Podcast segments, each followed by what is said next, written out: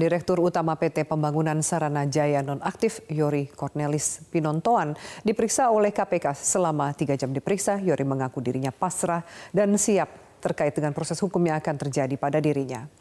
Tiba di gedung KPK pada pukul 9.30 pagi, Yuri yang diperiksa sebagai saksi keluar dan selesai menjalani pemeriksaan pada pukul 13 waktu Indonesia Barat.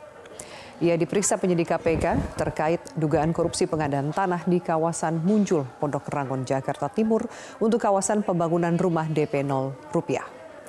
Ditemui usai keluar menjalani pemeriksaan, Yuri mengaku pasrah atas kasus yang menimpanya. Lebih lanjut, ia tidak menjawab terkait isu yang menyebut dirinya ditetapkan sebagai tersangka. Kepada Tuhan Yesus, apa yang terjadi ke depannya itu saya. Tersangka di kasus ini bukan? untuk menentukan masa depan kita. Pak katanya kongregasi suster di Hanya ada dua pilihan teman-teman. Sementara itu dalam kasus ini KPK sudah mencegah sejumlah pihak untuk pergi ke luar negeri selama enam bulan ke depan. Pemeriksaan terhadap Yuri oleh penyidik KPK merupakan penjadwalan ulang setelah ia tidak menghadiri pemanggilan pada hari Rabu.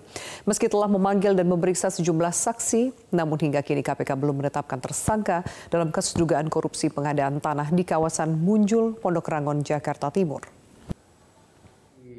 Yori Cornelis uh, hari ini mengkonfirmasi tidak bisa hadir, oleh karena itu akan dilakukan uh, penjadwalan uh, pemeriksaan besok hari Kamis tanggal 25 Maret 2021 uh, bersamaan pula dengan saksi Rudi Hartono Iskandar selaku direktur dari uh, PT Adonara Propertindo juga akan diperiksa sebagai saksi pada uh, hari uh, Kamis. Tim Pusat Laboratorium Forensik Mabes Polri menggelar olah tempat kejadian perkara kebakaran yang menewaskan 10 orang di Pisangan Baru 3, Matraman, Jakarta Timur.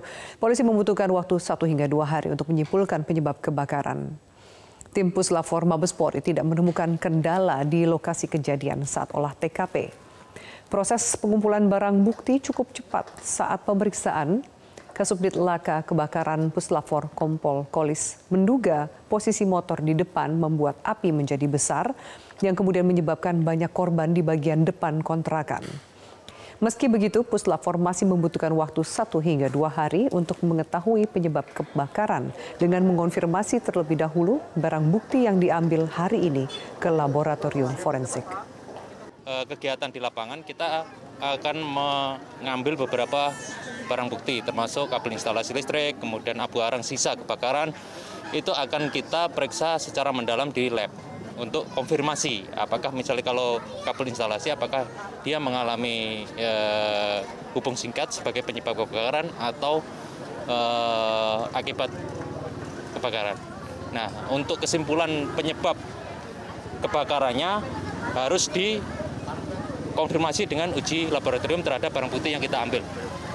Itu, jadi nunggu sehari dua hari Gubernur DKI Jakarta Anies Baswedan menyebut peristiwa kebakaran di Pisangan Baru 3 Matraman, Jakarta Timur sebagai musibah yang luar biasa.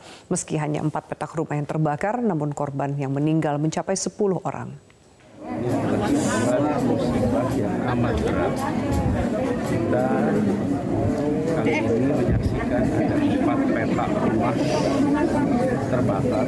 Jumlahnya hanya empat petak, tapi yang meninggal 10 orang sebuah musibah yang luar biasa karena korban jiwanya mungkin yang terbanyak yang pernah kita rasakan akhir-akhir ini. Kami di Jakarta begitu ada kejadian pasti akan respon cepat. Tadi damkar dari pos Matraman datang langsung ke lokasi.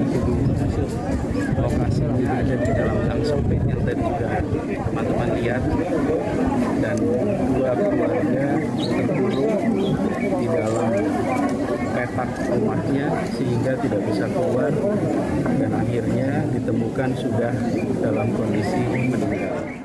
Pemirsa Partai Nasdem lebih dini memulai konsolidasi internal Partai Nasdem menuju pemilu 2024 dengan menggelar rapat koordinasi wilayah atau Rakorwil di 34 provinsi se-Indonesia. Kali ini Rakorwil digelar di Provinsi Kepulauan Riau. Informasi selengkapnya akan disampaikan rekan Marcelina Tumundo langsung dari Batam, Kepulauan Riau. Marcel, apa yang menjadi pertimbangan Partai Nasdem untuk memulai memanaskan mesin partainya sejak dini? Zilvia pertimbangannya tentu tidak banyak waktu menjelang pemilu serentak tahun 2024 mengingat bahwa Partai Nasdem optimis di tahun 2024 nanti dapat menjadi dua besar partai dengan perolehan suara terbesar di Indonesia.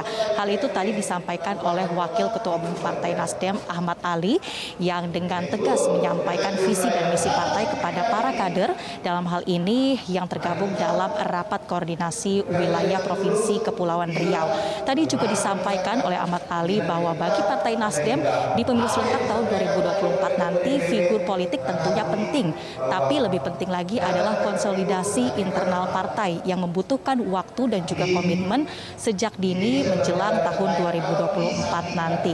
Untuk itulah Partai Nasdem menggelar rapat koordinasi wilayah di 34 provinsi se-Indonesia yang sudah dimulai di Provinsi Papua dan juga Papua Barat, kemudian di Jawa Barat dan di Sumatera sendiri ini sudah digelar di Sumatera Selatan, Lampung, Bangka Belitung dan saat ini di Provinsi Kepulauan Riau.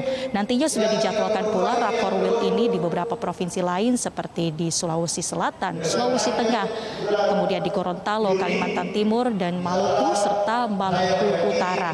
Tujuannya tentu untuk mengonsolidasikan internal partai dengan secara teknis nantinya akan um, memvalidasi sistem keanggotaan Partai Nasdem.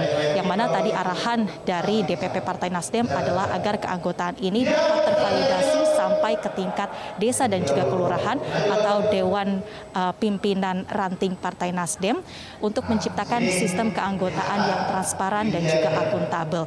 Tidak hanya secara administratif tapi juga dalam Rakorwil ini dibahas beberapa isu penting bagi setiap daerah agar nantinya kader-kader Partai Nasdem yang berada di daerah ini dapat memberikan sumbangsih yang nyata bagi pembangunan daerah.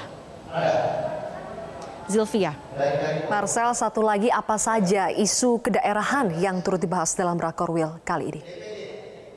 Isu kedaerahan untuk Provinsi Kepulauan Riau ini tadi dikemas dalam pembahasan penerapan Undang-Undang Nomor 11 Tahun 2020 atau Undang-Undang Cipta Kerja untuk pembangunan Provinsi Kepulauan Riau. Beberapa sektor strategis yang tadi dibahas misalnya UMKM dan juga koperasi, kemudian lingkungan hidup dan kehutanan, ketahanan pangan, kemudian juga uh, tadi dibahas terkait dengan uh, pariwisata. Uh, dari pihak Partai Nasdem ini mendorong agar pemerintah daerah dapat menciptakan uh, sistem yang dapat memperkuat sektor pariwisata di wilayah Kepulauan Riau.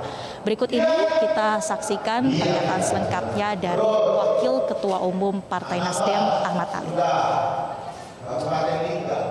Pertanyaan itu muncul dari banyak teman-teman partai lain. Nah, tapi bagi Nasdem kami bekerja berdasarkan langgam kami sendiri.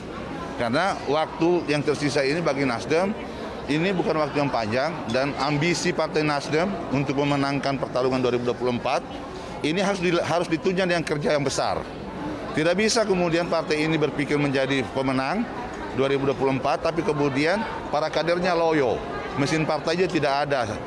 Keanggotaan struktur kepartaian tidak ada sampai di tingkat DPRT. Syarat untuk menjadi pemenang di 2024 itu adalah memastikan semua struktur partai ada di tingkat DPRT di seluruh desa Indonesia. Nah, kalau itu dimiliki oleh Partai Nasdem, kita punya modal besar. Jelang sidang terdakwa Muhammad Rizik Syihab yang akan dilakukan secara offline pada Jumat besok, Pengadilan Negeri Jakarta Timur tidak lagi menyediakan link YouTube atau tidak bisa disaksikan lagi secara online, sementara sejumlah pengunjung yang hadir di persidangan juga akan dibatasi. Pengadilan Negeri Jakarta Timur Jumat besok akan melakukan sidang lanjutan kasus pelanggaran protokol kesehatan dengan terdakwa Rizik Syihab secara offline atau menghadirkan terdakwa secara langsung di persidangan. Pengadilan Negeri Jakarta Timur tidak akan lagi menyediakan link secara online yang bisa diakses oleh masyarakat untuk menyaksikan jalannya persidangan. Menurut Kepala Humas Pengadilan Negeri Jakarta Timur, Alex Adam Faisal, tidak diberikannya lagi link online tersebut agar saksi tidak bisa melihat percakapan saksi lainnya. Terkait jumlah pengunjung yang dapat memasuki ruang sidang akan dibatasi, baik tim kuasa hukum baik tim kuasa hukum terdakwa maksud kami maupun media yang akan meliput secara langsung proses jalannya persidangan.